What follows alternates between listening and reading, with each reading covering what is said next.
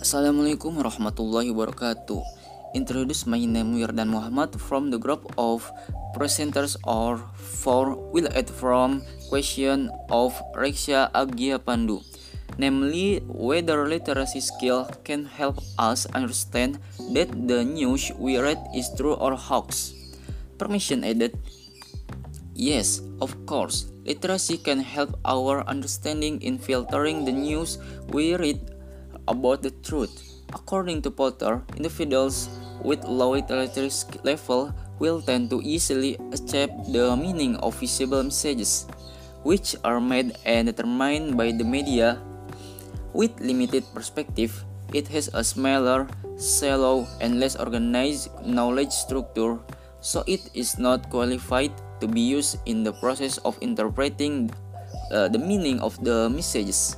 Finally, Thus, individuals will find it very difficult to identify the accuracy of information, sort controversy, be aware of satirical content, and develop a broader perspective.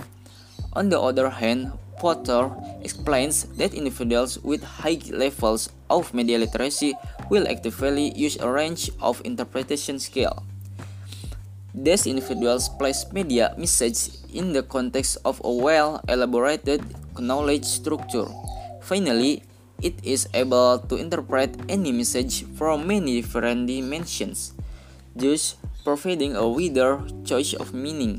When individuals have a uh, have a high literacy level, they know how to select a choice of meaning and have more power and control to choose to choose the most accurate one from several points of view cognitive, emotional, aesthetic, and moral.